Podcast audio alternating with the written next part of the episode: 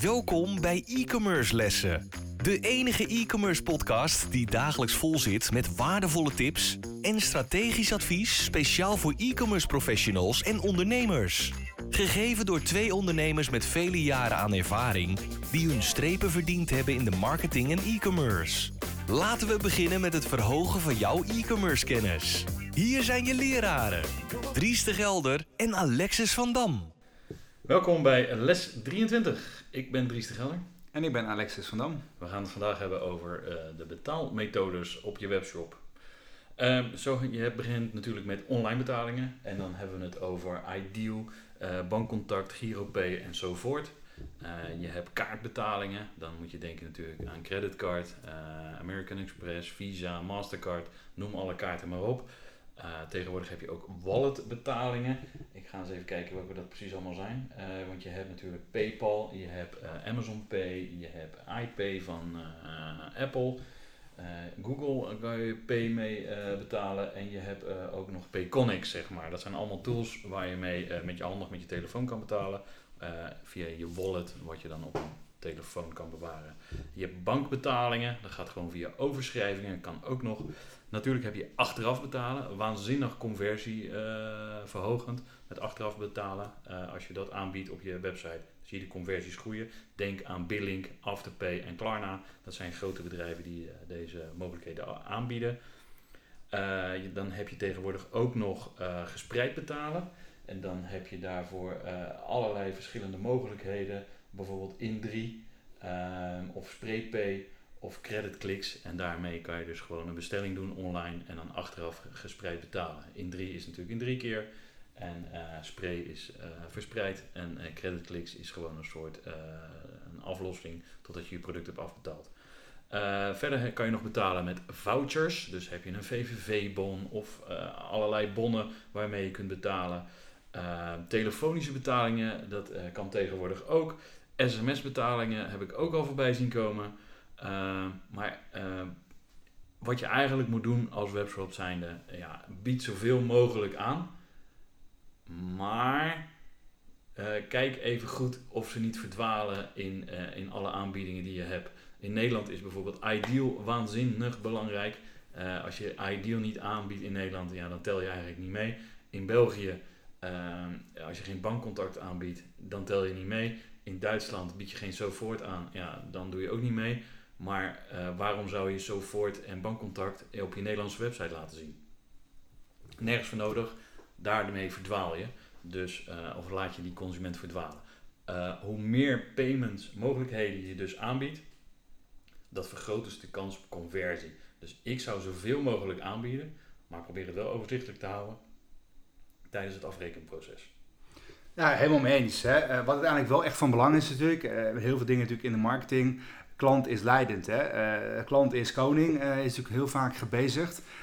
Je kan natuurlijk uiteindelijk kijken als jij een webshop hebt die al een tijdje gewoon actief is. Kan je natuurlijk gewoon zien in de betaling, hoe betaalt men eigenlijk? Wat is de voorkeur? Nou ja, dan moet je natuurlijk wel, hè, zoals Dries al aangeeft, natuurlijk een, een breedheid aan mogelijkheden aanbieden. En dan kan je best wel eens zeggen, hey, na een jaar of twee, oké, ik zie eigenlijk dat, dat Ideal, creditcards en bijvoorbeeld Klarna heel erg actief worden gebruikt en de rest eigenlijk niet. Nou, dan zou je in ieder geval qua volgorde ook kunnen zeggen dat de meest gebruikte bovenaan staan. Wat je soms bij Ideal ziet, is dat het natuurlijk soms op alfabet wordt gesorteerd. Maar soms staan het Rabobank, ABN, ING Bank bovenaan. Wat gewoon de drie grote banken zijn in Nederland. En als jij toevallig bij ASN Bank, overigens een hele mooie bank met een mooi marketingverhaal. Uh, maar die staat wel vaak bovenaan. Maar niet heel veel mensen hebben die rekening. Of wat minder dan de grote banken. Uh, dus zo kan je ook mensen helpen het makkelijk te maken. Dat is eigenlijk ook precies een beetje wat ik van belang is. Hè? Betaling dat zit ik aan het einde van het proces. Dus je hebt al de keuze gemaakt, ik wil dit. En dan op het laatste punt, oh ja, nog even betalen. En dat is eigenlijk precies ook het punt waar mensen ook nog vaak op af kunnen haken. Want dan denk je, ja, nou, ik heb nou mijn kaartje gestopt, maar ja, toch een hoog bedrag. Hè? En uh, ja, wil ik het nou wel? En dan kan u dingen zoals gespreid betalen of via creditcard, hè, dan betaal je natuurlijk ietsje later. Kan natuurlijk zeker de drempel verlagend werken om te zeggen, nou, ik ga het toch doen. En dat is uiteindelijk van belang. Je wil niet dat mensen zeg maar, alles in het kaartje stoppen en uiteindelijk dan toch niet betalen. Want dan moet je ze namelijk weer gaan remarketen en dan moet je ze weer terug proberen te halen. Kost je allemaal extra geld en uiteindelijk is het maar de vraag of ze dat werk ook echt gaan kopen bij jou. Goed punt. Ja, dus, dus wat dat betreft de, de, de, de betaalreis, het sluitstuk van je klantreis, daar moet je echt goed over nadenken. En eigenlijk hoe minder stappen men hoeft te doen, hoe beter het is. En natuurlijk een punt is ook dat je kan zeggen, laat je mensen elke keer hun gegevens invoeren of laat je ze uiteindelijk echt een account aanmaken. Nou, voor sommige mensen willen het liever niet, want die zeggen, nou ja, dan heb je al meer informatie, dat wil ik liever niet. Dus bied altijd de keuze aan, inloggen als bestaande klant of als gast uitchecken. Dat zal ook conversieverhogend werken als mensen dat dan belangrijk vinden. En dat is natuurlijk het punt, hè. Uh, als jij een pennetje koopt uh, via Bol of je koopt een heel groot product, heel duur product van uh, meer dan een paar honderd euro, dan moet er wel het vertrouwen zijn tussen de webshop-eigenaar ehm, en jou als potentiële klant. Dat vertrouwen kan je door allerlei zaken vergroten, maar dat doe je ook onder andere door op een goede manier de betalingen te regelen. Het moet er allemaal mooi, strak en fris uitzien, zowel op desktop als ook op mobiel of op tablet. En ik denk dat vooral ook mensen een veilig gevoel moeten hebben bij je betaalproces. Ja, je ziet dat daar krakkemikkerig en hout touwtje uit. Ja, dan krijgen mensen daar een soort van wantrouwen in en zullen ze de bestelling nooit plaatsen. Je ziet dat er gelikt, strak en veilig uit, met allemaal veiligheidsicoontjes die je uh, kan beschermen. Ja, dan zijn ze eerder geneigd om uh, over te gaan uh, tot een betaling. En dat, dat zorgt natuurlijk weer voor die conversie. Uh, nog even een belangrijk dingetje. Um, ga je cross-border uh, sales doen, dus ga je over de grenzen met je webshop. Kijk in elk land welk product het meest gebruikt wordt. Ga niet Ideal aanbieden in, in Spanje of in Italië. Niemand heeft daar gehoord van Ideal. Ideal is in Europa best groot, maar vooral in Nederland. En eigenlijk krijgt het nergens in Europa voet aan de grond. Let daarmee, hou daar, op, uh, hou daar rekening mee.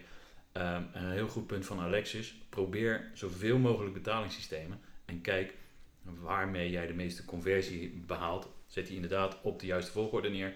En uh, zie je dat uh, het marginaal is met sommige betaalmiddelen, ja, schrap die dan. haal die weer uit je lijst. Want dat zorgt weer voor dat er te veel informatie staat. En dat kan je ook weer de conversie kosten. Ja, misschien het laatste daar natuurlijk de, de komst van de wallets, hè, zoals Apple en Google. Uh, en natuurlijk ook PayPal. Dat is natuurlijk in feite een soort van een, een oplossing die natuurlijk uh, over in heel veel landen werken. Uh, niet overal, maar in heel veel landen dus wel. En je hebt, of je hebt een Android of je hebt een iOS-telefoon. heel veel meer opties zijn er nog steeds niet. Dus eigenlijk als je die twee aanbiedt, dan heb je toch al een groot deel van de e-commerce mensen die gewoon via e-commerce iets kopen. En het grote voordeel natuurlijk van die twee providers is wel, het is ook daarna wel kinderlijk eenvoudig. Uh, het ziet er gewoon gelukt uit. Het werkt met je telefoon en het is gewoon heel gemakkelijk. Zeker. Ik denk dat we de payments uh, goed behandeld hebben. Dat denk ik ook. Uh, mochten er nog meer vragen zijn, dan horen we dat graag. Heb jij nog iets aan toe te voegen?